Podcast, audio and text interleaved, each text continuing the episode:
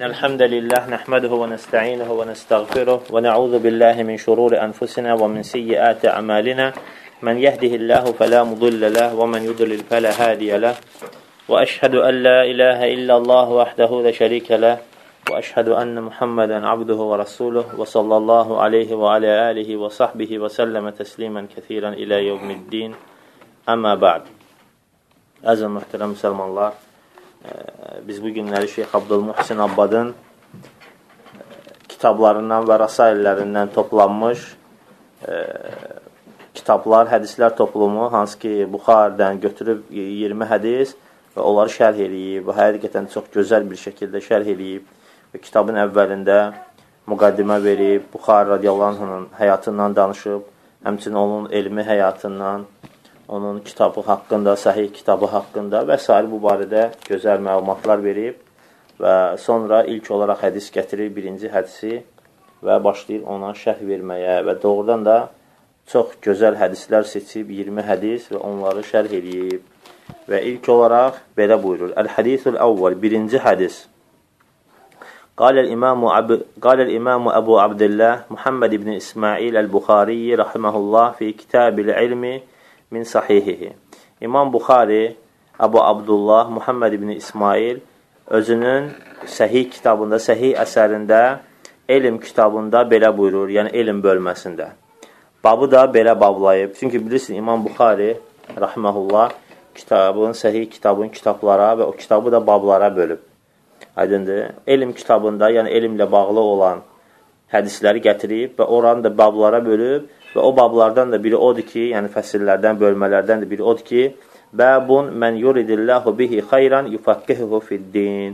Əgər Allah kimin üçünsə xeyir istəyərsə, onu dində fəqih edər, yəni anlamlı edər. Və ilk olaraq hədis gətirir ki, həddəsənə Səid ibn Ufeyr, qalə həddəsənə ibn Vahib an Yunus, an ibn Şihab, qal, qalə Hümeyd ibn Abdurrahman, səmi'tu Muaviyyətə xatiban yəqul. İmam Buxari rahimehullah deyir ki, Səid ibn Ufeyrdən, o da Vahib ibn Yunusdan, o da İbn Şihabdan, o da Hümeyd ibn Abdurrahmandan deyir ki, Muaviyyə radiyallahu anhu məni xütbə verərkən belə deyən eşitdim. Yəni İmam Muaviyyə radiyallahu anhu xütbə verərkən bu sözləri deyir. Və bunu kim eşidib? Hümeyd ibn Abdurrahman və nəql edir. Deyir ki, Səmi'ətun Nəbiyyə sallallahu aleyhi və səlləmə yaqul, İmam Muaviyyə deyir ki, Rasul sallallahu aleyhi ve sellem belə deyərkən eşitdim. Mən yuridillahu bihi xeyran yufaqqihuhu fiddin. Əgər Allah Taala kim üçün xeyir istəyərsə, mütləq onu dində faqih edər. Sonra buyurur ki, "Və innəmə ənə qasimun vallahu yu'ti." Sonra buyurur ki, mənim işim yalnız və yalnız bölməkdir, həqiqətdə verən isə Allah Taaladır.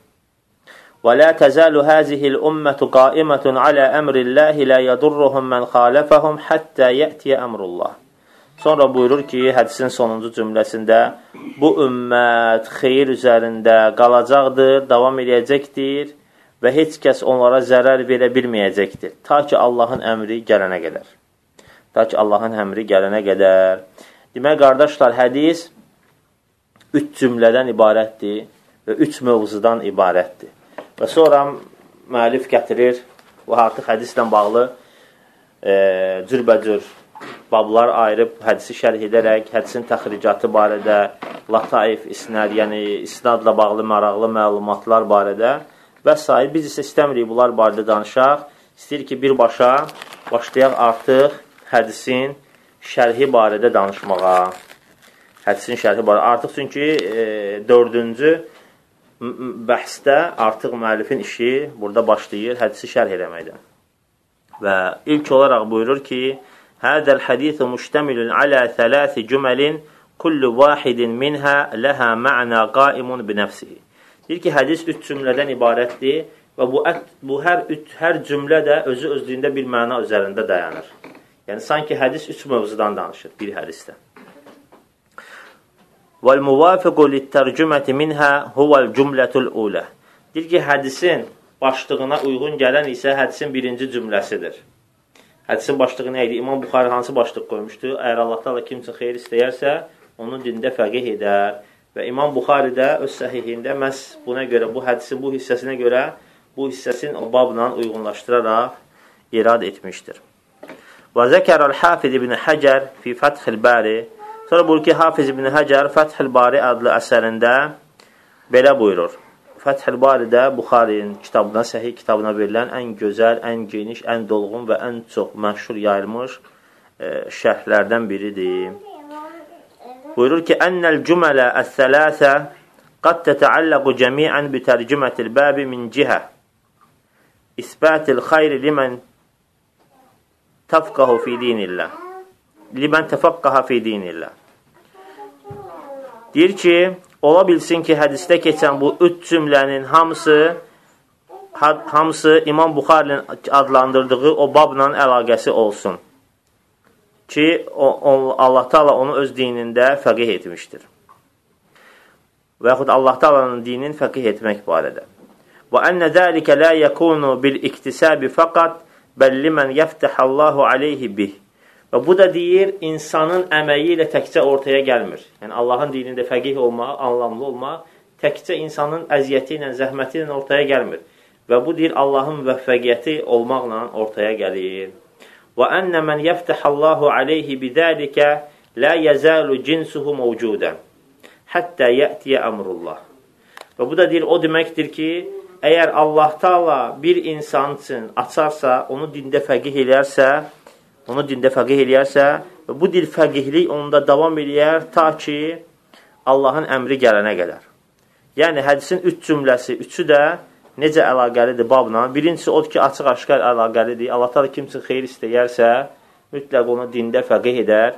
İkincisi, odur ki, Peyğəmbər sallallahu aleyhi ve sellem buyurur ki, verə, mən bölürəm, həqiqətdə verən Allahdır. Yəni, mən sizə elmi öyrədirəm, dəlalət edirəm, həqiqətdə fəqih edən Allahdır.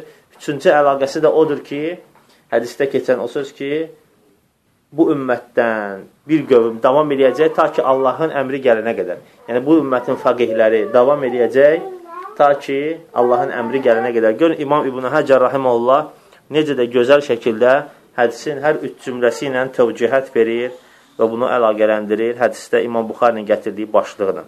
Və həqiqətən də İmam Buxarinin də öz səhih əsərində ən bariz əlamətlərindən biri odur ki, onun fəqihliyinə dəlalət edən kitabı bablaşdırmağı.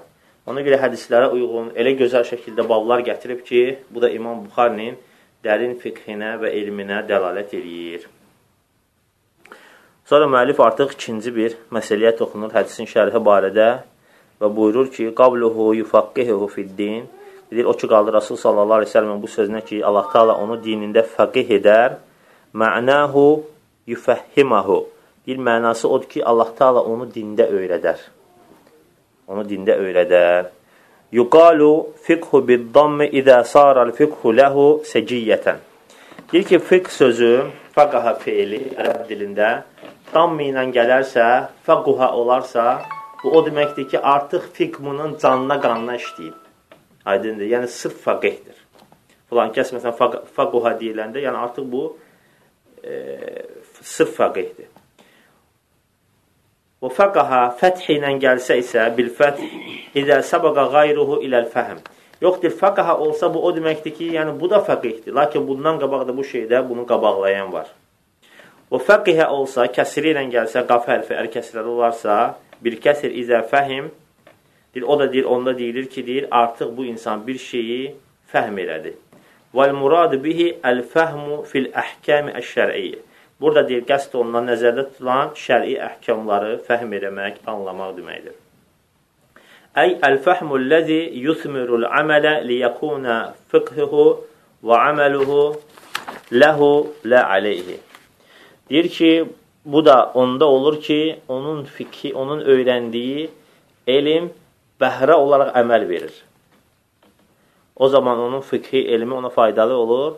Nə zaman onun o fikri, yəni öyrəndiyi, bildiyi şey ona əməl verir. Yəni bəhələsi əməllə çıxır. Məsələn, nafilə namaz, namazlar barədə nə isə bilir, onu əməl eləyir. Və yaxud onun fikri barədə, incəlikləri barədə nə isə bilir, səhv eləyəndə düzəldir. Və beləcə onun elmi əməli ilə bəhrələnir, qolbudaq atır, Və deyir ki, eləcə də onun elmi, fiqhi onun lehinə olur, əleyhinə deyildir. Çünki əməl olmasa nə olur? Əleyhinə olur. Əgər əməl olarsa, əməllə bəhrə verərsə, artıq onun lehinə olur, yəni xeyrinə olur. Kəmə qalə Rasulullah sallallahu aleyhi və səlləm fil hədisi əs-sahih. Necə ki, deyir Rasul sallallahu aleyhi və səlləm səhih bir hədisdə dediyi kimi vəl Qur'an hüccətun ləkə əv aleykə. İlk həqiqətən də Qur'an ya sənin lehinə hüccətdir, ya da əleyhinə hüccətdir. Nə zaman Quran-ı Kərim insanın lehinə hüccət olur? Kim deyər? Lehinə? Səhv istifadə edərsə, elə. Lehinə, xeyrinə. Bildiyin tətbiq edir. Öyrənir, oxuyur, gözəl şəkildə onu oxumaq haqqını verir, anlam haqqını verir, əməl eləmək haqqını verir, öyrətmək haqqını verir. Yəni, bacardıqca Quranın hər yöndən haqlarını verir. Beləcə, Quran onun lehinə hüccət olur. Və yaxud da deyir, onun aleyhinə, əleyhinə hüccət olur. O da nə zaman? Əksi. O da sən onu öyrənməzsənsə, və yaxud öyrənib əməl etməzsənsə, və yaxud əməl edib öyrətməzsənsə, yəni bacardığın qədər lazımınca Quranın haqqını verməzsənsə və yaxud da nəuzu billah, əksin əməl eləyərsənsə, əksin və yaxud da ümumiyyətlə bəziləri ki, ümumiyyətlə İslamdan, imandan uzaq düşənlər ki, ümumiyyətlə inkar eləyərsənsə, bu kimi sifətlər hamısı nədir? Quran-ı kərimin sənin əleyhinə hüccət olmasına dəlalət edən bir səbəbdir. Bəli, batilə istifadə eləyərsə və yaxud da o da ora aiddir. Və sonra buyurur ki, artıq keçir üçüncü yöndən hədisin şərhinə və buyurur ki, qaləl hafizu fil fəth deyir ki, Hafiz ibn Həcar Fəthil Barıda belə buyurur və məfhumul hədisi ən ləmən ləm yufaqqihuhu fid-din əy yətəalləmu qavaidəl İslam və, lə, və mə yəttasilu bihə minəl furu' fəqad huriməl xayr. Deyir ki, hədisin məfhumu odur ki, anlamı odur ki, əgər o, bu da o deməkdir ki,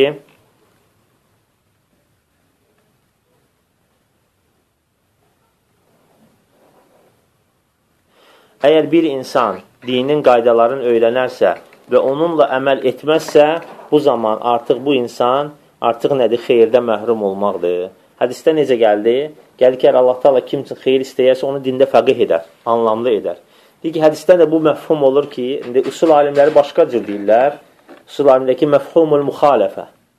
İbn Həcər isə mühəddislərin dilicə danışır, deyir məfhumul hədis. Yəni hədisdən belə başa düşülür və yaxud da usulçuların dili cədisi ki, hədisdən belə başa düşülür ki, bunun əksi isə məfhumul müxalifə, bunun əksi isə odur ki, Allah Taala o kəs üçün xeyir istəmir ki, onu dində fəqih etmir.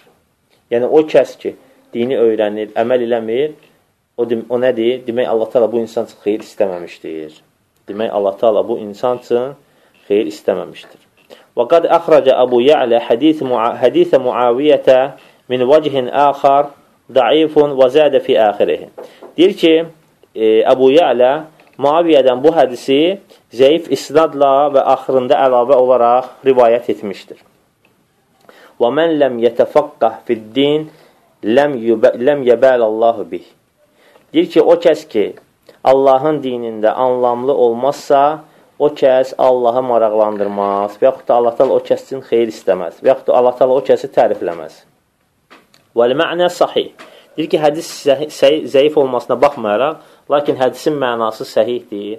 Demək, İmam İbn Həcər Rahiməllahın o sözü deməsinə bu zəif hədis özü də təkan verir. Li'ənlə mən ləm ya'rif umura dinihi la yakunu faqihən və la talibə fəqih.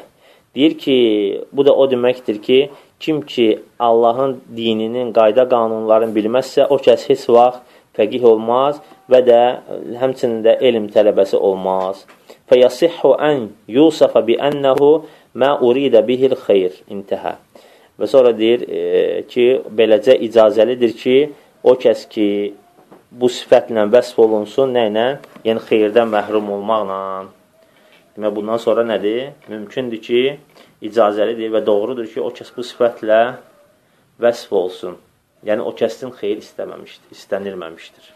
Və burada İbn Həcər Rahiməhullahın sözü neynəyir? Bitir.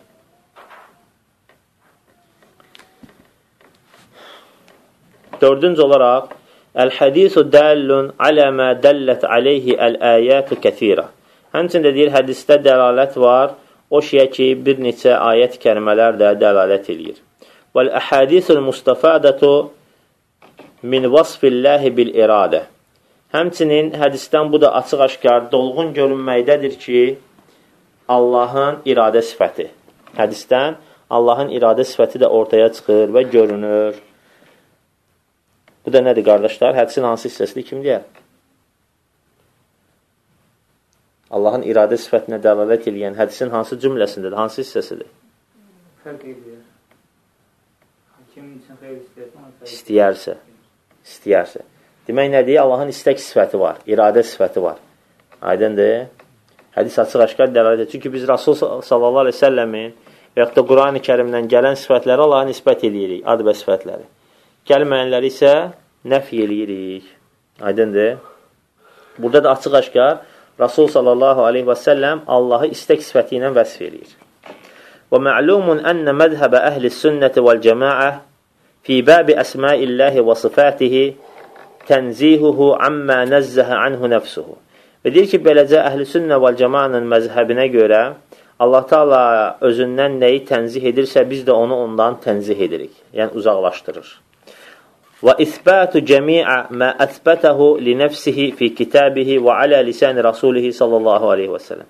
Həmçinin özü və Rasulü sallallahu aleyhi və səlləm onun nəyi isbat eləyirsə, yəni nisbət eləyirsə, biz də onu isbat eləyirik. Minəl əsma'i və sifati aləl vəchil la'iq bi cəlalihi subhanə. Və deyir ki, beləcə də deyir, e, biz o, o şeylər ki, Allah Taalanın hansı ki, gözəl adlarına və sifat, hansı ki, Allahın gözəl adları və sifətləri barədə xəbər verilib, hansı ki, Allah Taalanın cəlalına yaraşan bir şəkildə. Aydındır? Yəni, demək ki, Allahın iradəsi, yəni Allaha yaraşan bir şəkildə onun iradəsi. Allahın görməsi ona yaraşan bir şəkildə görməsi. Daha məxluqata bənzətmədən. Ona görə sonra müəllif buyurur ki, bidunə təklifin və lə təmsil və deyir ki, heç bir keyfiyyət vermədən və onu bənzətmədən və bidunə təvilin və lə tə'til və deyir ki, eləcə də təvil etmədən, yəni başqa mənaya yozmadan və həmçinin də tə'til etmədən, yəni inkar etmədən. Kəmə qalə subhanahu və teala. Necə ki, Allah subhanahu taala özü Qurani Kərimdə belə buyurur: "Leysə kəmislihi şeyun və huvəs-səmi'ul basir." Və onun mislində heç bir şey yoxdur və o eşidəndir və görəndir. Ayə nənə dəlalət eləyir? Allah Taala'nın mislində heç bir şey yoxdur. Onun mislində heç bir şey yoxdur. Sonra Allah Taala nə edir? Özünə nəyi isbat eləyir? Görməyi və eşitməyi. Yəni Allahın mislində heç bir şey yoxdur. Allah eşidəndir, görəndir. Yəni Allah kimi eşidən və görən onun mislində heç bir şey yoxdur. Aydın olub ki, başqa məxluqatlar da görsün, eşitsin. Lakin məhdudiyyət çərçivəsində, məhdudiyyətdə, bəli, bəli, məhdudiyyətdə. Lakin Allah Taala heç bir məhdudiyyət olmadan və öz cəlalına və camalına yaraşan bir şəkildə görür və eşidir və yaxud da digər sifətləri. Fəətbətə li nəfsihi əs-səm'a vəl-basara bi qavlihi və huvəs-səmi'ul basir. Və beləcədir Allah Taala özünə eşitməyi və görməyi açıq-aşkar bu ayədə nisbət eləyərək buyurur ki, və huvəs-səmi'ul basir. Və nəfə müşabəhətə qayrihi ləhu bi qavlihi leysə kəmislihi şey. Və deyir ki, həmçinin də Allah Taala özündən oxşarlığı inkar eləyir. Nə ilə? Lə, leysə kəmislihi şeyun sözü ilə, kəlamı ilə. Yəni, onun mislində heç bir şey yoxdur. Burada müəllif müşabəhə sözünü işlədir, lakin alimlər təşbih sözündən çəkinirlər. Demirlər ki, oxşatmadan. Aydın dedilər ki, təmsil etmədən. Hələ Şeyx Abdülmuhsin Əl-Abbad Hafizəhullah da yuxarıda deyəndə nə dedi? keyfiyyət vermədən, bərabər tutmadan, yəni təmsil etmədən və təvil etmədən və tətil etmədən. Yəni, keyfiyyət vermədən, bənzətmədən, mənasını yozmadan və inkar etmədən. Demədi ki, oxşatmadan. Lakin burada oxşatmaq sözünü işlədir. Oxşatmaq sözündən əslində isə çəkindirilir. Çünki niyə görə? Çünki Allah Taalanın sifətləri ilə məxluqat arasında oxşarlıq var. Aydın, ona görə oxşatmaq işlətmirik. Kim deyir, oxşatmaq hansı yönləndir? Eşitmək, görmək məsələn oxşamır. Bəli, mənası oxşayır. Çünki Allahda da görmək, məxluqatda da görmək yəni, eyni mənaya dəlalət edir. Məna aydındır. Yəni görmək görməkdir. Və yaxud da Rəhmlilik. hə? Rəhmlilik. Rəhmlilik, bəli, məna eynidir. Demək, məna yönündən oxşarlıq var. Sonra nədən oxşarlıq var? Sevgidən, bu dedik də mən, hə? Əl olmağı. Onlar hamısı yəni məna yönündən əl nəyə aiddir? Tutmağa. Demək, insanda da tutmaq mənası verir, Allahda. Lakin keyfiyyət fərqlidir. Aydındır? Bir də var təsmiyə yönündən, adlandırmaq. Yəni, əl Allahda da əl adlanır, məxluqatda da əl adlanır. Demək nədir? İki yöndən oxşarlıq var. Ona görə yaxşıdır ki, oxşatmamaq sözünü işlətməyəsən. Aydındır? Yaxşı ki, təmsil. Çünki oxşatmaq nədir? Oxşatmaq odur ki, məsələn, bu stakan bu stakana oxşayır. Düzdür, düz deyil, qardaşlar. Oxşayır, oxşamır. Lakin bu, bunun mislindədir, yoxsa yox? Mislində deyil. Ona görə oxşarlıqlar demir. Deyir ki, bərabər tutmadan. Onun mislində olmadan. Mislində odur ki, gərək bununla bu. Bununla bu mislindədir, mislində deyil. Bunlar. Bu iki çaşqan mislindədir, düz deyil. Lakin bununla bu isə mislində deyil. Ona görə Allahın mislində heç bir şey yoxdur. Ona görə deyir ki, biduni təmsil demirik ki, biduni təşbih. Sonra buyurur ki, müəllif, və sifatullahi Teala kulluha yuqalu fi ba'diha ma yuqalu fil ba'dil axar. Deyir ki, Allah Taala'nın sifətlərində bəzilərində deyilən sözlər digərlərində də deyilir. Bəzilərində deyilən sözlər digərlərində də deyilir. Yəni Allah Taala'nın sifətləri barədə gələndə ayırmırıq. Bəzilərini isbat edirik, bəzilərini eləmirik, bəzilərini təvil edirik, bəzilərini yox. Allahdan sifətlərində bir, bir qismində necə gəlir, digər qismində də eyni qaydada müamilə aparılır. Duna farqın beynə sifətin və sifə. Eləcə də heç bir sifəti biri-birindən ayırmamaq. فكل ما ثبت في الكتاب والسنة من العلم والإرادة والسمع والبصر والكلام والقدرة واليدين والوجه والغضب والرضا والاستواء على الأرش وغير ذلك يجب إثباته له Və deyir, eləcə də deyir, Quran-ı kərimdə və sünnədə Allahın elm kimi, iradə kimi, görmək kimi, eşitmək kimi, kəlam kimi, qüdrət kimi, iki əl kimi, sifət kimi, qəzəb kimi, razılıq kimi, ərşin üzərinə istiba etmək kimi və yaxud da qeyri, bundan qeyri olan sifətlər barədə nə gəlibsə, hamısını vacibdir ki, ispat eləmək. Və i'tiqaduhu alən nəhcil vadih əlləzi bəyyənəhullahu biqavlihi və deyir, beləcə də bunu, bunu deyir, açıq-aşkan mənhəclə etiqad eləmək, necə ki, Allah Taala Quran-ı Kərimdə bunu bəyan edib, leysə kəmislihi şeyun və huvəs-səmiul alim. Onun mislində heç bir şey yoxdur və o eşidəndir və görəndir. Kəmə ənnallaha zətən lə tuşbihu zəvat. Necə ki, Allah Taala zatdır və heç bir zata oxşamır. Aydındır? Yəni, necə Allah Taala var və heç bir varlığa oxşamır, eləcə də Allahın sifətləri heç bir varlığın sifətlərinə oxşamır. Və buyurur ki, fəkədə sifətuhu əs-səbitətu bil-kitəbi və sünnəti tusbətu aləl vəchil ləqə billəh.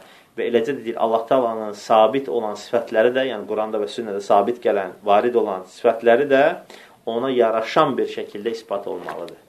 Onun cəlalına yaraşan bir şəkildə ispat olmalıdır. Dunə ən yəkuna fihə müşabəhən li xalqihi və beləcə də deyir, məxluqatından heç birə, heç birinə oxşatmadan. Yəni də burada müşabəhə deyilir.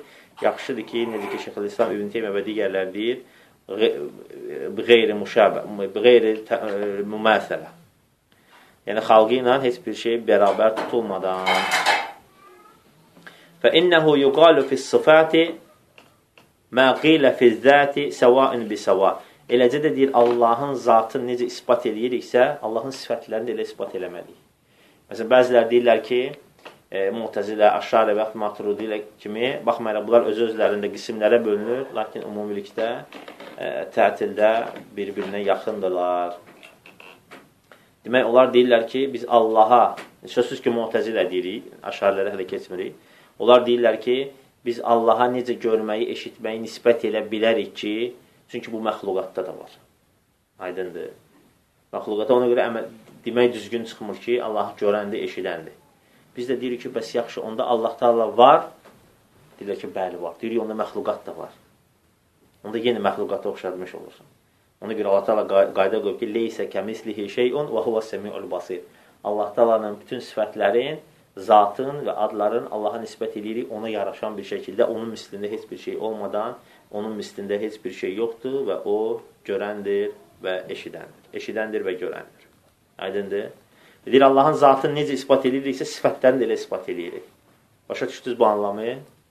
Yəni, Allahın varlığı necə keyfiyyət vermədən bir tutmadan məxluqata, o, məxluqata bənzər etmədən ispat edirik, beləcə də Allahın sifətlərini o qayda ilə ispat etməliyik. Kəmə ənəhu yuqalu fi ba'd sifati ma qilə fil ba'd al-axar səvaun bi səva. Necə ki Allahın sifətlərini də birin qəbul edirik, beləcə də hamısını qəbul edirik. İndi keçirik əşarlərə. Əşarlər isə Allah Taala'nın bəzi sifətlərini qəbul edirlər, bəzilərini isə eləmirlər. Məsələn, görmək, eşitmək, elm, qüdrət bu kimi sifətlərin qəbul edirlər qəzəb, gülmək, enmək, ucalmaq, bu kimi sifətlərin isə və feillərin isə qəbul etmirlər və deyirlər ki, bu nədir? Məxluqata oxşarlıq var. Biz də deyirik ki, necə ki, görməsin, eşitməsin, tənzih edərək Allaha nisbət eləyirsiniz ki, onun görməsində, eşitməndə onun bənzəri yoxdur. Eləcə də Allahın enməsində, qəzəblənməsində və gülməyində də Allahı heç bir məxluqata bənzətmədən isbat olunmalıdır. Yəni, necə ki, bəzi sifətlər, eləcə də bütün sifətlər, yəni, necə ki, Allahın zatı, eləcə də Allahın sifətləri isbat olmalıdır və heç bir fərq qoyulmadan. Sonra buyurur ki, və iradətullahi Teala ində əhli sünnəti nəvən dəllə aleyhimə kitabullahi və sünnəti nəbiyyihi sallallahu aleyhi və səlləm. Sonra keçir başqa bir mövzuya, o da nədir? Allahın iradə sifəti barədə. Hansı ki, hədisdə keçdi və hədis dəlalət edir ki, Allahın istəyi vardır. Demək, qardaşlar, Allah Taalanın iradə sifəti əhl-i sünnə vəl cəmaə görə iki cürdür. Necə ki, Quran və sünnə buna dəlalət edir. İki cürdür. Necə ki, Quran-ı Kərim və sünnə buna dəlalət edir. İhdəhumə, onlardan biri odur ki, bimə'nəl məşiəti əl-kavniyyə əl-qədəriyyə. Bunları yadınızda saxlayın. Ola bilsin, gələn dəfə soruşulsun. Birincisi odur ki, Allah Taalanın kovni istəyi və iradəsi. Birinci odur ki, Allah Taala'nın qovni, istəyi və iradəsi. Və səniyə el-iradətu əd-diniyyətu əş-şər'iyyə. İkinci odur ki, Allahın dini və şər'i istəyi. Birinci nədir? Allahın qovni iradəsi, ikincisi şər'i iradəsi, daha müxtəsər sözləndisi. Qovni iradə və şər'i iradə. Lakin burada müəllif o sözlərlə ibarət eləyir ki, əl-məşiətul qovniyyətə əl-qədəriyyə. Allahın qovni, qədəri istəyi, ikincisi odur ki, Allahın dini və şəri istəyi. Necə istəsiz yazıda saxlaya bilərsiniz. Əl-fərqu bəynəhəmə. Bunların arasında fərq nədir? Yəni, Allahın qovni istəyi ilə şəri istəyi arasında fərq nədədir? Ənəl qovniyyətə əl-qədəriyyə şəmilətun li kulli şey. Allahın qovni qədəri hər bir şeyə şamildir. Bu da artıq fərqləndirməsində olan qayda bunu da yadınızda saxlayın. Allah Taala'nın qovluna qədəri hər bir şeyə şamildir. La farqa fiha beynə mə yuhibbuhullahu və mə yubghiduhu. Və dil fərqi yoxdur. İstər Allahın orada sevdiyi şeylər və yaxud da Allahın qəzəb etdiyi şeylər. Hamısı qovunu qədərə daxildir. Və la budda min vuqu'i mə taqtadihi. Və beləcə də Allahın təqdir etdiyi şeyin baş verməsi labuddur. Və əmmə diniyyə Demək, Allahın dini iradəsinə gəldikdə, əd-diniyyə, əş-şərəiyyə, demək, birincisində qayda nədir? Bu, mütləqdir ki, həyata keçsin və hər bir şeyə şamildir. Aydındır?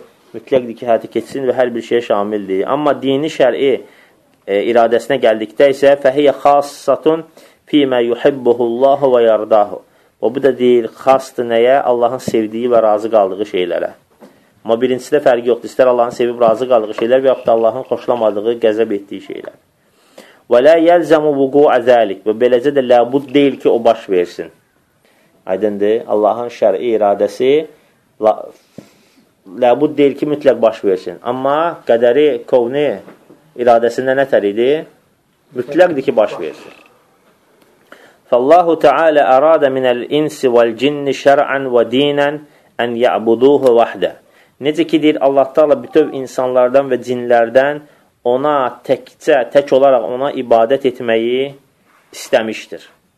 Bu Allah Taala nədir? Şəri iradəsidir ki, insanlardan və cinlərdən istəyir ki, ona ibadət etsinlər tək olaraq, yəni ona heç bir şey şərik qoşmadan. Və zəlikə məhbubun ileyhi və bu deyir Allaha sevimli bir şeydir. Və lizəlikə ənzələl kitab və ərsələl rusul. Və məhz bundan dolayı da Allah Taala kitablar nazil etmiş və elçilər göndərmişdir. Və əradə kavnən və qadaran fi ba'di ibadihi əl-xayr. Və beləcə Allah Taala kovni olaraq, kovni qədəri olaraq, kovni istəyi olaraq bəzi qullarında xeyir istəmişdir. Fəktəmə'ə ləhum əl-əmran əl-kovni və şər'i. Və Allah Taala həmin bu qism insanlar üçün hər ikisin hər ikisi baş vermişdir bunlarda. Hər iki şey baş vermişdir. O da nədir? kovni iradəsi və Allahın şəri iradəsi. Başa düşdünüz bu axırda? O kəslər ki, artıq onlar hidayət yolun, hidayət yolda yönəlmişlər və Allah Taala da onlara hidayət vermişdir. Bunlar nədir? Artıq bunlar həm Allahın şəri iradəsinə daxildirlər. Yəni Allah Taala bunların hidayət olmağını istəyir bunların düz yolda olmağını istəyir və həmçinin artıq bunlar hidayət olduqdan sonra, bunlar hidayət olduqdan sonra demək nədir? Allahın kovunu qədərinə də girir. Ki artıq bu baş verdi və həmçinin də mütləqdir ki, baş versin və beləcə də baş verdi. Artıq bunlar hər iki istəyin altına girirlər. Və arada fil ba'dil axar qeyri zəlikə fəvəqat fi haqqihi el-kavniyyə dunə diniyyə əş-şər'iyyə. Bəzilərdə var ki, Allah Taala'nın kovni qədərinə daxil olublar, lakin şər'i qədərinə deyildir. O da nədir? Allah Taala onlar üçün istəmişdir, lakin bunu mütləq olaraq yox. Aydındır?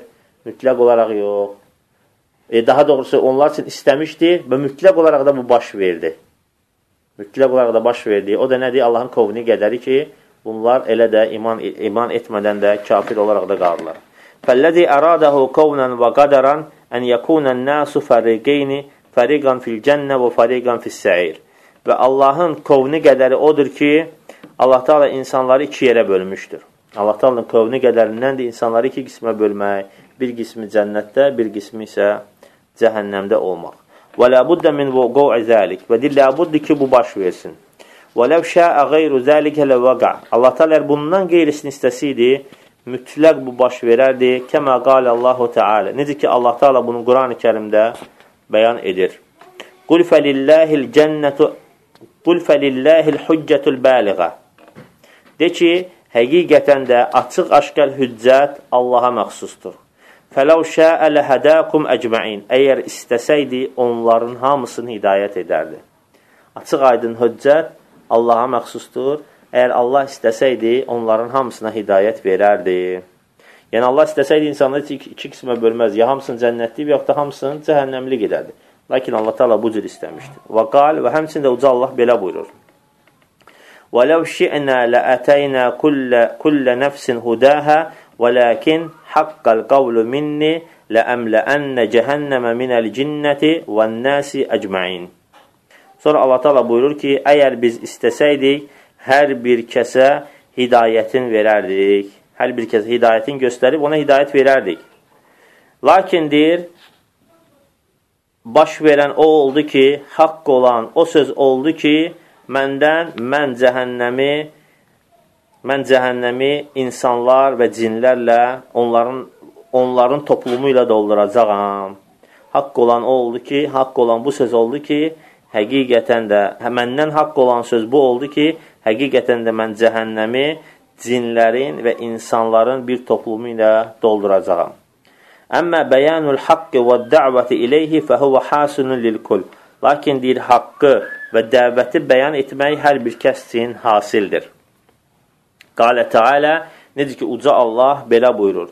Ələm necəəlləhu ayneyn, məyər biz ona iki göz vermədik və lisanən və şəfəteyn və həmçinin biz ona dil və iki dodaq vermədik və hədəynəhun nəcdeyin və biz ona deyil, iki yolu göstərmədik. Aydındır. Yəni, Allah göz verib, qulaq verib, dil verib və eləcə də bunlar səbəbi ilə hidayəti sənə göstər. Sən hidayəti eşitmirsən, görmürsən, hətta danışmısan.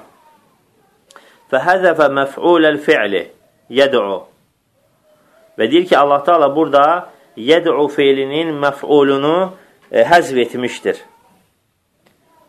onun məf'ulunu həzv, həzv etmişdir. O da hansıdır? E, sonraki gələn ayədə ki, Allah Taala buyurur ki: "Vallahu yed'u ila daris salam və yehdi men yasha ila sıratın mustaqim."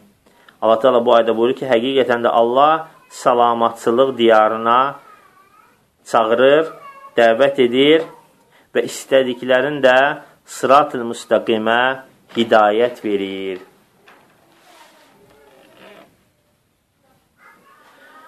Allah Taala deyir bu ayədə yəd'u feilinin məf'ulun hə, həsf etməsi ilə işarə eləyir ki, ümumiliyə və şumula. Ya Allah Taala bununla işarə eləyir nəyə? Ümumiliyə və şamilliyə. Və azhara məf'uləl fi'li yəhdi el-mufidul xusus. Burada artıq ərəb dilinin qaydalarından danışır ki, hansı ki ayələrdən faydalar çıxardır və deyir artıq deyir, yəhdi sözünün isə məf'ulun deyir, ortada çıxarır. Bu da deyir, xüsusilik, xüsusilik bildirir. Fəddəvətu iləl haqqı ammətun lil cəmi. Bu da o deməkdir ki, haqqa dəvət, haqqa dəvət hamıya aiddir. Vel hidayətu xassatun fi mən vaffaqahullah. Lakin deyir, hidayət isə yalnız və yalnız o kəslərə aiddir ki, Allah Taala onları müvəffəq eləmişdir. Çünki həqiqətən də ayə baxanda görürsən ki, vallahu yed'u ilə dəris səlam. Allah Taala salamatlıq diyarına çağırır və yəhdi mən yəşəu ilə sıratın müstəqim. Və deyir ki, eləcə də istədiyini sıratıl müstəqimə neyniyir? Yönəldir. Və burada da ərəb dilinin qaydalarına görə məf'ul pozulduqda ümumiyyəyə dəlalət edir. Ondan sonraki cümlədə isə feilin məf'ulu gəldikdə bu da nədir? Məxsusiyyətə dəlalət edir. Fərq nədə oldu? Ümumi odur ki, hidayət hər kəsə gəlir, kafirə də, iman gətirənə də, lakin məxsusi odur ki, Allah Taala əgər gəlsə məf'ulu ona dəlalət edir ki, bu da nədir? Artıq Allah Taala onları müvəffəq etmişdir və onlara haqqı göstərmişdir. Və mə qaddərəhullahu və qadahu la buddə min vuqu'ihi kəmə təqaddəmə bəyanuhu. Və Allah Taala bir şey təqdir eləyirsə və onu həyata keçirir, keçir, keçirirsə, onun deyir, artıq yəni qədərə yazıbsa, onun həyata keçməsi mütləqdir. Necə ki, az öncəki sözlərimizdə keçdi və bunu bəyan etdik. Müəllif buyurur. Və nəhnu la na'lamu zalika illa bi wahidin min amrin. Deyir ki, biz bunu deyir bilmirik, yalnız deyir iki şey əsnasında olmaqla, iki şeydən sonra. Birincisi odur ki, əhaduhuma vuqu'u şey, o şey baş verdikdən sonra. Yəni Allahın biz qədərin, qədərin iki şeylə bilirik. İki şeylə. Birincisi odur ki, o şey baş verəndən sonra. Məsələn, sən bugün burada bu çayı içdin və biz bildik ki, Allah da bunu istəmişdi. Ki, sən bunu içdin. İkincisi odur ki, hansı ki, müəllif gətirəcək. İkincisi odur ki, qeybi xəbərlər əsnasında. Hansı ki, sonra müəllif buyur ki, فَكُلُّ مَا وَقَعَ عَلِمْنَا أَنَّ اللّٰهَ قَدْ شَاءَهُ Dedi ki, o şey ki, baş verdi, biz artıq bildik ki, Allah da onu istəmişdir. لِأَنَّهُ مَا شَاءَ اللّٰهُ كَانْ وَمَا لَمْ يَشَأْ ləm yəkun. Çünki Allah Taala istədiyi şey həyata keçir, istəmədiyi şey isə həyata keçmir. Nə ki həyata keçdisə, baş verdisə, artıq Allah Taala onu istəmişdir. Fə ayyu harakatin təcri fəhiyyə bi məşiətillah. Və nə ki hansı hərəkət ki baş verir, olur, demək Allah Taala bunu istəyir. Və səni ikincisi husulul ixbar bi şey'il ghaib anna min allazi la yantiqu anil hawa sallallahu alayhi və səlləm səvaun kana madiyan aw mustaqbalan.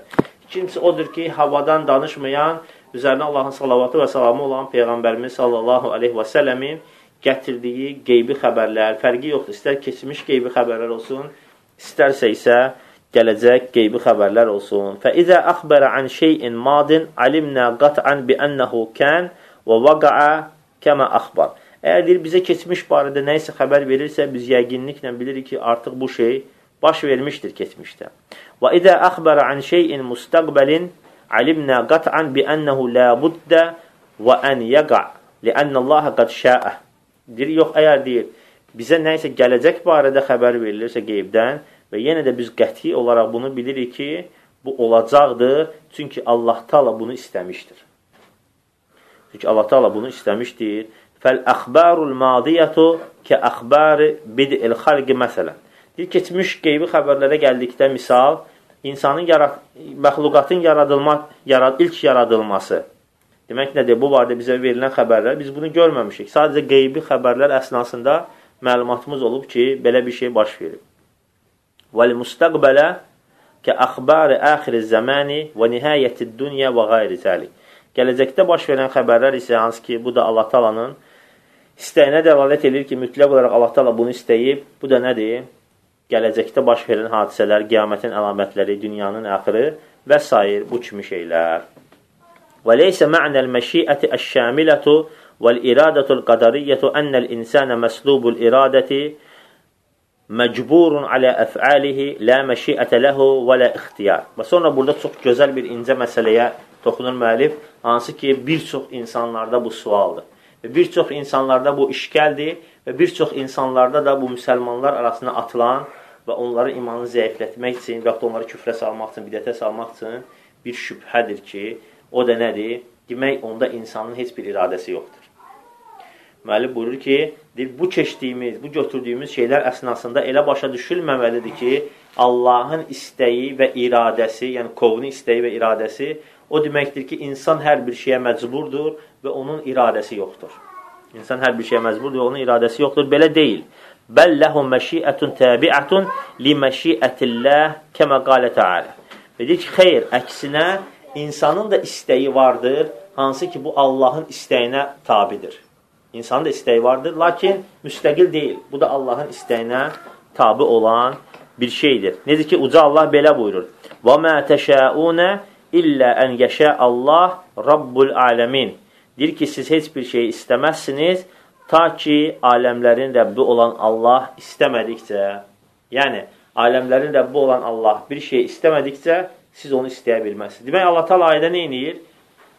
İnsana da istəyi nisbət eləyir və həmçində bunu mütləq olaraq Allaha qaytarır ki, yəni sizin istəyiniz var, lakin bu Allahın istəyi olandan sonra baş verir. Və lihədə nudrikul farqa bəynəl hərəkəti əl-ittirariyyə ki hərəkətil murtəiş vəl hərəkətil ixtiyariyyə minəl uqaləi kəlbi'i və şira. Və beləcə deyir biz, artıq idrak edirik və anlayırıq o fərqi. Nəydə? İnsanların məcburiyyət halında etdiyi hərəkətlər. İnsan görsən, bəzi şeyləri məcburiyyətdən hərəkət edir, özündən asılı olmayaraq. O da nədir? Xəstə insanın titrəməsi, üşüdməsi. Burada insanın heç bir iradəsi yoxdur. Lakin başqa yöndən ağıl sahibi olan insanların ağılı ilə işlətdiyi, ticarətdə, alışda-verişdə işlətdiyi nələr? Onların feilləri, bu da nədir? İnsanların istəyi ilə olur. Demək, fərq var. İnsanlar öz istəyi də iki qismə bölünür. Özündən asılı olaraq və özündən asılı olmayaraq. İnsani minəl ba'di vəl isa'ati fil ba'dil axar. E, daha doğrusu, ihsani minəl ba'di vəl isa'ati min ba'dil axar. Və beləcə həmçinin də insanların bəzilərindən xeyir, digərlərindən isə pislik hasil olması. Fəl-ittirariyyətu la dəxlə lil-abdi fiyhə. Və deyir, bu kimi şeylərdə insanın məcburiyyətindən söhbət gedə bilməz. Yəni, insanların yaxşı insan olmaları və yaxud pis insan olmaları aydındır. Buradan heç vaxt demək olmaz ki, bu insanın məcbur qaldığı şeylərdir. Və insan özündən asılı olmayaraq bunu edir. Vəl-ixtiyariyyətu təcri bi məşiətil abdi və iradətihi ət-təbiəti li məşiətilləhi və iradətihi. Və deyir, beləcə deyir, insanın etdiyi hərəkətlər onun istəyi və iradəsində olub, lakin Allahın istəyinə və iradəsinə tabi olaraq. Və min əmsilətil iradəti əd-diniyyəti fil Qur'ani qavluhu Teala və deyir ki, Allahın dini iradəsinə gəldikdə, yəni iradə şər'iyyə gəldikdə, artıq keçir Allahın iradəsinin ikinci növündən danışmağa və deyir, bu barədə də Quran-ı kərimdən dəlillər var ki, məsələn, Yuridullahu bikumul yusra və la yuridu bikumul usr. Deyir Allah Taala sizin üçün çətinlik deyildir, asanlıq istəyir. Demək nədir? Allah Taala'nın şər'i iradəsidir ki, bizim üçün asanlıq istəyir, çətinlik deyil. Və dedi ki, şər'i iradənin də fərqləri necədir? Şər'i iradə necə olur? Allah Taala'nın sevib bəyəndiyi və həyata keçməsi ləbud olmayan şey. Lakin qədəri iradəsi nə idi? Kovni iradəsi nə idi?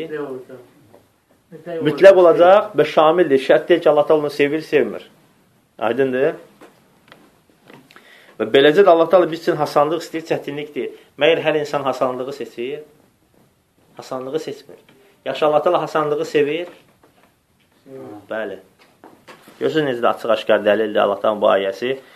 Çünki qaydalar hamısı ayət, ayətlərdən, hədislərdən götürülmüş qaydalardır. Başqa bir ayda Uca Allah belə buyurur. Və qavluhu vallahu yuridu an yatuba aleykum. Allah Taala sizə tövbə etməyi, sizin tövbə etməyinizi istəyir. Allah Taala sizin tövbə etməyinizi istəyir. Məyər hər kəs tövbə edir? Etmir. Yəni ləbuddir bu həyata keçsin. Yaxşı Allah Taala bizim tövbə etməyimizi sevir, bəyənir? Bəli. Və min əmsilətil kavniyyəti əl-qadariyyə qavluhu Taala. Və deyir Allah Taala'nın kovni qədərinə deyir. Quran-ı Kərimdən dəlillərə gəldikdə İndi növbətisinə Qurandan dəlillər gətirir. Və la yenfa'ukum nushi in aradtu an ansaha lakum in kana Allahu yuridu an yughwiyakum. Demək, Rasul deyir ki, öz qövmünə, deyir, mənim nəsiyyətim heç vaxt sizə fayda verməz, hətta deyir, mən sizə nəsiyyət eləmək istəsəm də. Çünki deyir, artıq Allah Taala sizin azmağınızı istəmişdir. Çünki Allah da sizin azmağınızı istəmişdir. Bu Allah Taala'nın kovni qədəridir. Yaxşı mütləqdir həyata keçsin? Mütləqdir. Allah Taala sevir onu? Xeyr. Xeyr, sevmir. Başqa bir ayda Uca Allah buyurur ki: "Və qavluhu velakinnallaha yef'alu ma yurid." Allah Taala öz istədiklərini həyata keçirdir. Bu da nədir? Qovni qədərə aid bir ayədir. O ki, qaldı Peyğəmbərimiz sallallahu aleyhi və səlləmin şərafətli sünnəsindən e, Rasul sallallahu aleyhi və səlləm buyurur ki, e, fil hədisəlləzi nəhnu bisadadil kələm aleyhi deyir ki, Rasul sallallahu aleyhi və səlləm o hədisi ki, hansı ki, biz onun şərhindəyik, mən yuridillahu bihi xayran yufaqqihuhu fid-din. Əgər Allah Taala bir kəs üçün xeyir istəyərsə, mütləq onu dində fəqih edər. Bu hədis hansına aiddir? İradə kavniyyə, iradə şər'iyyə. Yox, iradə şər'iyyədir. Allah təala xeyir istəyir. Allah təala xeyir istəyir. Yaxşı mütləq də həyata keçir. Hər kəsin fəqih olması. Yox, deməli iradə şər'iyyə aiddir. Həmçinin də məhz bu hədisdə gələn, sonra keçir artıq müəllif başqa bir mövzuya, yəni hədisdə keçən başqa bir cümlənin şərhinə başqa bir cümlənin şərhinə. O da ondan ibarətdir ki, Rasul sallallahu aleyhi və sələm buyur ki, İnnəmə ənə qasimun vallahu yu'ti. Mənimki olan yalnız bölməkdir, həqiqətdə verən isə Allahdır. Mənimki bölməkdir, təqsimat. Orada istəyir və edir, fərq edir. Çünki bu da kövnü şeydir, iradəsidir Allah. İstəyir Orada deyir ki, deyir, mən yufaqqih, mən yuridillahu bihi xeyran yufaqqihuhu fid-din. Deyir, Allah Taala bir kəs xeyir istəyərsə, onu dində fəqih edər. Fərq edər. Fəqih edər. Bəli. Edər üzə şeydir. Edərsə artıq, artıq etdisə, artıq etdisə, hə. Etdisə artıq həm kovniyə daxildir, həm şər'iyyə. Düzdür, onu biz başqa ayə Kövn də var. da. artıq xoş Allaha sevimli şeylər baş verəndən sonra artıq o həmçində kovni qədərə qayıdır daxil olur. Bəli. Ha, demək sonra buyurur ki, Əadəl Buxari əl-hədisə fi kitab Fardıl Xumus. Deyir ki, İmam Buxari rahimehullah bu hədisi həmçinin irad eləyir e, xumsun vacibliyi barədə. Xumsun barədə. Çünki İmam Buxarinin adətindəndir ki, bir hədisi bir neçə yerdə təkrar eləyir. Hətta bəzən ondan artıq yerdə bir hədisi təkrar eləyir. Bu da İmam Buxarinin fiqhindəndir ki, bir hədisdən neçə-neçə istinbatlar eləyir və neçə-neçə bölümlərə, fiqhlərə daxil eləyir. Bu hədisi gətirmişdi hansı babda? Elm kitabında. Elm kitabının hansı babında? Allah kimsə Allah təala kimə xeyir istəyirsə onun dininə fəqih edər. Həmçində bu hədisi harda gətirib? Xumsun vacibliyi kitabında və yaxud da babında. Daha doğrusu kitabında. Sonra buyurur ki, lil istidlali bi hazihil cümleti ala enne qismetel ganimeti ilə Rasulillahi sallallahu aleyhi ve sellem və ənəhu qasimun lil mali heysu əmərəhullah. Və burada da deyir İmam Buxari rahimehullah bu hədisi bu babda ona görə gətirib ki, mənası odur ki, yəni Rasul sallallahu aleyhi ve sellem sadəcə bölür. Həqiqətdə bölən isə, həqiqətdə isə bunu əmr eləyən Allah Taaladır. Çünki Rasul sallallahu aleyhi ve sellem nə edirdi? Özündən belə şeyləri etmirdi. Və saqa ma hadal hadisi ahadisun ukhra minhə hadisu Əbu Hüreyrə. Və deyir ki, bu hədislə yanaşı digər hədislər də rivayət etmişdir və onlardan imam onlardan e, daha doğrusu Əbu Hüreyrə radiyallahu anhunun hədisi marfuan, marfu olaraq marfu olaraq marfu nədir? Yəni Rasul sallallahu əleyhi və səlləm dayanaraq. Aleyhissalatu vesselam belə buyurur: "Mə u'tikum və la amna'ukum." Deyir ki, mən sizə verirəm. Deyir ki, mən sizə, deyir, nə mən sizə verirəm və nə də mən sizə mani oluram. Mən edirəm. Yəni, sizə həqiqətdə bunları verəndə mən deyiləm və həmçində verilməyənlərə də mən mani olmuram. Aydındır? Sonra buyurur ki, İnnəmə ənə qasimun. İnnəmə ənə qasimun ada'u haysu umirt. Və deyir ki, həqiqətdə mən bölənəm sadəcə, paylayanam və necə ki, əmr olmuşam. Yəni, əmr olunduğum kimi mənim üzərimə düşən bölməkdir, paylamaqdır. Vəl-mə'nə, mənaya gəldikdə isə Lə a'ti əhədən və lə əmnəhu əhədən illə bi əmrillah. Mənası odur ki, mənim deyir, Allahın əmri olmadan heç bir şey nə vermirəm, nə də mən etmirəm. Və fi zəlikə isbatul qada'i vəl qədəri vəl imanu bi zəlik. Və bunda da deyir, isbat var nəyə? Allahın qəza və qədərinə və həmçində ona iman etməyə. Və ənəhu lə mani'ə limə a'tallah. Çünki deyir, Allah Taala'nın verdiyində heç kəs mani ola bilməz. Və lə mu'ti limə mən'allah. Və deyir, eləcə də Allahın mən etdiyinə heç kəs verə bilməz. Və ənəl ibadə yətəsarrafuna fil mali bi haqqin və bi qeyri haqq. Çünki deyir, həqiqətdə insanlar malın malda təsəvvür təsəvvür etməkdə, yəni malda e, malda əməl etməkdə, sarf etməkdə deyir bəzən haqla, bəzən də haqsız olaraq hərəkət eləyirlər. Bi iradətihim və məşiətihim öz iradələri və istəkləri ilə və husulu qismətihi beynən nasi kəmə qasamahullah kəmə qasamahu Rasulullah sallallahu aleyhi və səlləm huva mimmə qadahu Allahu kavnən və qadaran və əmərə bihi şər'ən və dinən. Və deyir ki, Rasul sallallahu aleyhi və səlləm və burada deyir, hasil olan odur ki, insanlar arasında paylayan Rasul sallallahu aleyhi və səlləmdir və bu da Allahın həm qavni qədəri və həmçinin də şəri dini iradəsi ilə həyata keçir. Aydın necə? Yəni Allah Taala bunu istəyir və bu mütləqdir olur və bunu həmçində Allah Taalanın e, sevib bəyəndiyi işlərdəndir. Hansı ki, həyata keçəndən sonra artıq nəyə qayıdır? Allah Taalanın qovni qədərinə. Altıncı olaraq buyurur ki, Qavluhu və lən təzəlu həzihil ummətu qaimetun alə əmrilləhi lə yadurruhum mən xalifəhum həttə yətiyə əmrullah.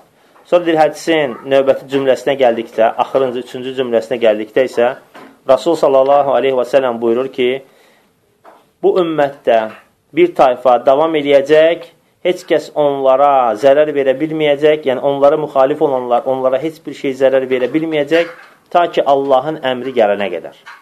Yəni bu ümmətdən haqq üzərində olanlar davam eləyəcəklər Allahın əmri üzərinə. Və deyir ki, onlara müxalif olanlar onlara heç bir şey ziyan verə bilməyəcəklər ta ki, Allahın əmri gəlməyənə qədər. Sonra buyurur ki, müəllif, e, daha doğrusu şərhçi, e, Şeyx Abdülmuhsin Əl-Abbad Hafizəlullah, deyir ki, Əadəl Buxariyyə Əl-Hədisə bitəməmihi fi kitab-ül-i'tisami bil kitab-ı və sünnə. deyir, sonra deyir, İmam Buxari bu hədisi tamamilə harada irad eləyir? e, ehtisam bil kitab və sünnə, yəni Quran və sünnəyə sarılmaq kitabında. Bihadihil cümləti alə adəmi xuluvul ardı min mu'tasami bil kitabi və sünnəti həttə yətiyə əmril, həttə yətiyə əmrullah. Və deyir ki, İmam Buxari bu hədisdən istinbat eləyir ona ki, yəni yer üzü heç vaxt üzərində haqq əhli olmadan olmayacaqdır. Yəni, nə qədər ki, yer var, dünya var, daima onun üzərində haqq əhli olacaqdır. Və İmam Buxari bu hədisi o babda ona görə gətirir, yəni Quran və sünnəyə sarılmaq kitabında. Və əvrədə həzihil cümlətə fəqat fi kitabil mənaqibi muşiran ilə ənə zəlikə min aləməti nübuvvəti Muhammedin sallallahu aleyhi və sələm və huvva mənqabətun lihədihil ümmət. Həmçindədir, bu hədisin, məhz bu hissəsin mənaqib kitabında gətirir. Mənaqib yəni fəzilətlər kitabında gətirir və bununla da bu ümmətin fəzilətinə işarət eləyir ki, bu ümmət həqiqətən də çox fəzilətli bir ümmətdir. Nəyə görə? Çünki bu ümmətdən olan haqq əhli qiyamətə qədər davam eləyəcək, hansı ki, heç bir ümmətdə bu olmamışdır. Yettincisi, Ümmətü Muhammedin sallallahu aleyhi və səlləm ləhə mənəyən. Və deyir ki, Muhammed sallallahu aleyhi və səlləmin ümməti iki mənaya ayrılır. Kim deyər mənaları? Ummətul də'va və ummətul icabə. Yığışdırın. Ummətul də'va və ummətul icabə. Dəvət ümməti və icabət ümməti. Hansı ki, indi müəllif bu barədə danışacaq. Yaxşı olar ki, oxuyaq. Müəllifin sözləri ilə buna daha yaxından tanış olaq. Ümmətü Muhammedin sallallahu aleyhi və sələm ləhə mənə. Yəni, Muhammed ümməti aleyhissalatu və sələm iki mənaya bölünür. Mənə ammun və mənə xas. Ümumi məna və xüsusi məna. Fəl-ümmətü bil-mənəl am hiyə ümmətü də'va. Ümumi mənası odur ki, dəvət ümməti. Və hum kullu insanin və kəzəl cinni min hin bə'əzəllahu nəbiyyəhu Muhammədən sallallahu aleyhi və səlləm ilə qiyam-ı səə. Bu da deyir, hər bir insanlara və cinlərə aiddir ki, Muhammed sallallahu aleyhi və səlləmin dəvəti başlayandan sonra. Yəni, başlayandan qiyamətə qədər bütün nə qədər məxluqat yaşayırsa, müxatab olan məxluqat, ins və cin, bunlar nədir? E, Peyğəmbərimiz sallallahu əleyhi və səlləmin ümumi ümməti sayılır. Ümmətü dəvə, yəni dəvət olunan ümmət. Və innə dəvətə muvəccəhatun ileyhim kəmə qalə Allah, kəmə qalə sallallahu əleyhi və səlləm fil xumsilləti u'tihə dunə min qablihi. Fil xamsilləti u'tihə dunə min, qabl dunə min qablihi. Deyir ki, bu da deyir, o hədisdə görünür ki, Rasul sallallahu aleyhi ve sellem buyurur ki, hansı ki, beş şey mənə verilib, başqalarına verilməyib. Deyir ki, orada gəlir ki, hər bir peyğəmbər öz elçisinə göndərilmişdi, öz qövmünə göndərilmişdi. Mən isə ümumiyyətlə göndərilmişəm. Və kənən Nəbiyyə sallallahu aleyhi ve sellem yub'asu ilə qavmihi xassətən və bu'istu ilə nəsi ammə. Rasul sallallahu aleyhi ve sellem ki, hər bir elçi xüsusi öz, elçi, öz qövmünə göndərilirdi. Mən isə bütün insanlara ümumi olaraq göndərilmişəm. Və yədullu lil ümməti bil mə'nə əl-am qavluhu ta'ala. Və həmçində ümumi ümmətə dəlalət eləyir. Allah subhanahu wa ta'ala'nın bu sözləri ki, Və ləqəd bə'əthnə fi kulli ümmətin rasulən ən i'budullaha və citənibud tağut. Biz hər bir ümmətə elçi göndərdik ki, qoy onlar Allaha ibadət etsinlər və tağutdan, yəni şirkdən, küfürdən və şeytandan çəkinsinlər. Əmməl ümmətü bil mə'nəl xassa, ikinci qismə gəldikdə isə ki, xüsusi ümmət, fəhiyyə ümmətul icabə, icabət eləyən, yəni cavab verən ümmət. Fəhum əlləzinə əcəbud dəvətə və dəxalu fi dinillah. Onlar ki, bu dəvətə icabət edib və Allahın dininə daxil oldular. Və min əmsiləti zəlikə qavluhu Teala və buna misallardan uca Allahın bu sözləri. Kuntum xayra ummətin uxricət linnəs. Siz ümmətlər içərisindən çıxarılmış ən xeyirli bir ümmətsiniz. Əl-əyə. Və qavluhu və kəzəlikə cəalnakum ummətən vasata. Beləcə biz sizi orta bir ümmət etdik. Orta bir ümmət, yəni ki, xeyirli bir ümmət etdik. Əl-əyə. Və min zəlikə qavluhu sallallahu aleyhi və səlləm Həmçinin bunlardan Rasul sallallahu aleyhi və səlləmin bu sözü Yəni buna misal Fi hədəl hədis Bu hədis Və lən təzəlu hədihil ümmə Deyir ki, bu ümmət davam eləyəcək Yəni hədisin bu hissəsini gətirir Dəlildir nəyə? Ümmətül icabə Yəni icabət eləyən ümmətə Aydındır. Sonra gəlir 8-incisi qavluhu sallallahu aleyhi və səlləm və lən təzəlu həzihil ümmə. Bu ümmət davam eləyəcək. Huva minəl ammi əl-muradu bihi əl-xusus. Bu da deyil, ümumilikdə gəlsə də xüsusə dəlalət eləyir. Baxmayın, ümumdə ümmət sözü əslində ümumidir, lakin burada xüsusilik var. Xüsusilik də nədir? Fə innəl murada bihi ba'dul ümmə kəmə dəllə alə dəlikə ədillətun minhə qavluhu sallallahu aleyhi və səlləm. Burada dil nəzərdə tutulan ümmət hamısı deyil, onun bir hissəsidir. Buna da dəlalət eləyir Rasul sallallahu əleyhi və səlləm bu sözləri ki, gör nə deyir? La təzalu ta'ifatun min ummati zahirin hatta ya'ti amrullah və hum zahirun. deyir ki, mənim ümmətimdən bir tayfa olacaq ki, daima zəfərdə olacaqlar. ta ki Allahın əmri gələnə qədər və hansı ki onlar zahir, yəni o zəfər üzərində də olacaqlar. Hədisi İmam Buxar rəvayət edir Ehtisam kitabında Muğeyr əbini Şabədən. 9-uncusu Fil muradi bit taifəti əl-mənsuratu əqvalun. Deyir ki, xeyr, nicata tapan, kömək olunan tayfalar sözündə alimlərin cürbəcür sözləri. Yəni, o ümmət ki, kömək olacaq, xeyir üzərində olacaq, zəfərə çatacaq. Bunlar kimlərdir? Alimlərin cürbəcür sözləri var. Cəzəməl Buxariyyu fi sahihihi bi ennəhum əhlül ilmi bil əsər. İmam Buxari təkidlə deyir ki, burada nəzərdə tutulan əsər əhlidir, yəni hədis əhli. Və qalə Əhməd ibn Həmbəl İn ləm yəkunu əhlül hədisi fələ ədri mənhum. İmam Əhməd deyir ki, əgər bu hədis əhli deyilsə, onda kimdirsə bilmirəm. Və qaləl qadı İyad, qazı İyad isə belə deyir. Əradə Əhməd əhlə sünnəti və mən yə'təqidu məzhəbə əhli sünnə. İmam Əhmədin əh, hədis əhli dedikdə o deməkdir ki, yəni hədis əhli və onların etiqadında olanlar. Yəni tək mühəddislər yox, mühəddislərin məzhəbində olanlar. Və qalən Nəvaviyyu, İmam Nəvavi isə belə deyir. Yuhtəməlu ən təkunə həzihi taifətu firqatun min ənva'il mü'mininə fəmən yuqimə, fəmən yuqimə əmrəllahi təalə من مجاهد وفقيه ومحدث وزاهد وآمر بالمعروف وغير ذلك من أنواع الخير ولا يلزم اجتماعهم في مكان واحد İmam Nəvavi deyir ki, burada ehtimal olunan odur ki, həmin bu firqadan, nicata tapan firqadan, möminlərdən cürbəcür qisimlərdə O kəslər ki, Allahın əmrlərin yerinə yetirirlər, istər mücahid olsun, istər faqih olsun, istər mühəddis olsun, istər zahid olsun, istər yaxşılığı əmr edib pislikdən, pislikdən çəkindirən olsun. Fərqi yoxdur və həmçində şərt deyil ki, onlar eyni məkanda olsunlar. Bəl yəcuzu ən yəkunu mütəfərriqin və həmçində olar ki, onlar ayrı-ayrılıqda olsunlar. Zəkərə hədihil əqval əl-Hafiz İbn Həcər fi Fəthil Bari. Bu oxuduğumuz qavulları İmam İbn Həcər Fəthil Bari əsərində gətirmişdir. Onuncusu, əmrullah Allahın əmri zükirə fil cümləti əl-əxirə mərrateyn li kulli minhə mənə. Deyir ki, burada əmr Allah sözü hədisin sonuncu cümləsində iki dəfə təkrar olmuşdur və hər biri də bir mənaya dəlalət edir. Fəmə'nə əmrullah fi qavli sallallahu aleyhi səlləm və la təzalu həzihi l-ümməti qaimətun alə əmrillah Deyir ki, bu cümlədə gəldikdə ki, bu yerində gəldikdə ki, cümlənin bu ümmətdən bir qisim Allahın əmri üzərində davam edəcəklər Yəni şər'illəhi və dini, yəni Allahın şəriətində və dinində. Və huva mislu qavli sallallahu aleyhi ve sellem fil hadisil muttefaq aleyhi, o da di Rasul sallallahu aleyhi ve sellemin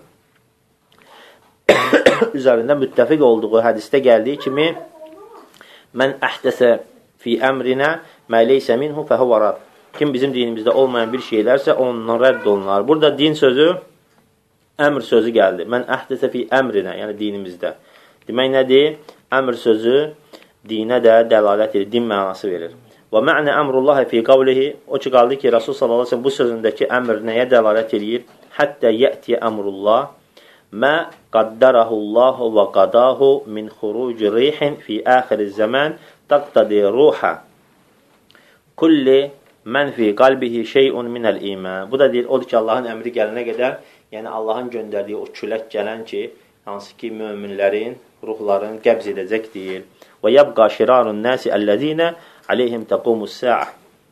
Deyir, beləcə, ondan sonra ən şərli insanlar qalacaq ki, qiyamət onların üzərinə qopacaqdır. Kəmə cəə zəlikə fil əhədisi sahihə. Necə ki, bu deyir, sahih hədislərdə varid olmuşdur. Minhə mə ravahu muslim fi sahihihi. Onlardan deyir, İmam Muslimin səhihində rivayət etdiyi fi kitabil fitən, fitnə kitabında gətirdiyi fi zikril umuri əlləti təcri fi əxiriz zəmən və mə fihi axır, zam axır zamanlarda baş verən hadisələr. Sonra hədisdə gəlir ki, Bəynəmə hum kəzəlik iz bəətəllahu rihən tayyibətən fətəxudəhum təhtə əbatihim fətəqbidə ruhə kullu müminin və kullu muslim. Və beləcə deyir, Allah Taala gözəl bir rih göndərəcək, külək göndərəcək, hava göndərəcək. Onlar bu halda olduqları halda və onların deyir, qollarının altından onların ruhlarını qəbz eləyəcək və hər bir müminin və müsəlmanın. Və yabqa şirarun nəsi yətəharacunə fiyhə təharucul humri və aleyhim təqumus sə'ə və beləcə deyir, onlar deyir, heyvanlar kimi bir-birinə qatışacaqlar, ta ki, deyir, onların üzərində qiyamət qopana qədər. Demək, burada hədisin artıq şərhi bitdi. E, yəni, müəllif hədisə bu qədər şərh verdi və doğrudan da çox gözəl şərh idi. Lakin hədisdən də cürəbəcürə maraqlı faydalar çıxır. Onları da qısa oxuyaq şərh vermədən, çünki şərhə hamısı gəlmişdir. Məlur ki, vəl-əmru kəl-iradəti yə'ti li mə'nə qavni və mə'nə dini şər'i və həzəl hədisu fihi şəhidun li kulli minəl mə'nəyin.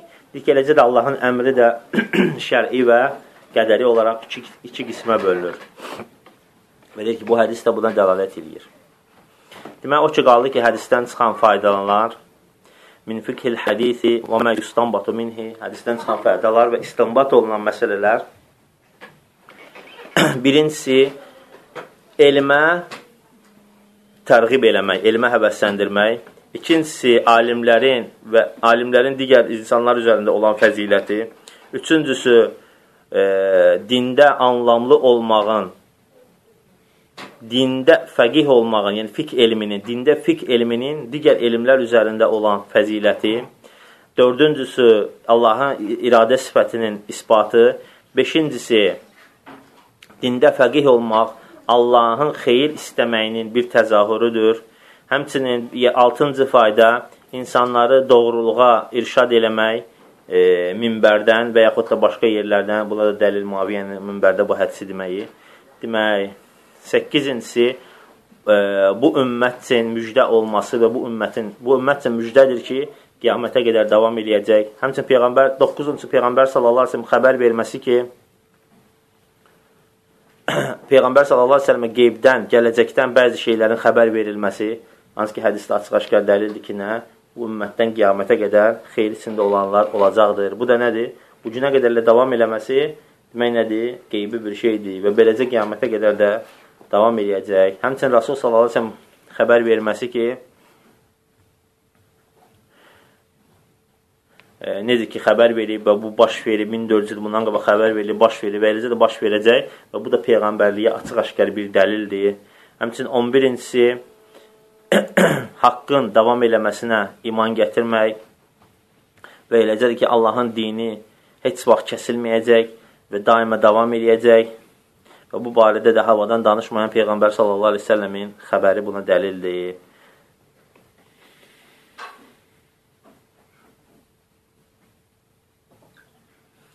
Bu da Allah Taala'nın, yəni yenə də istək sifətinin, e, daha doğrusu Allah Taala'nın xəbər verdiyi şeydir ki, bu da iki şeylə bəlli olur, ya baş verəndən sonra və yaxud da qeybi xəbərlər əsnasında.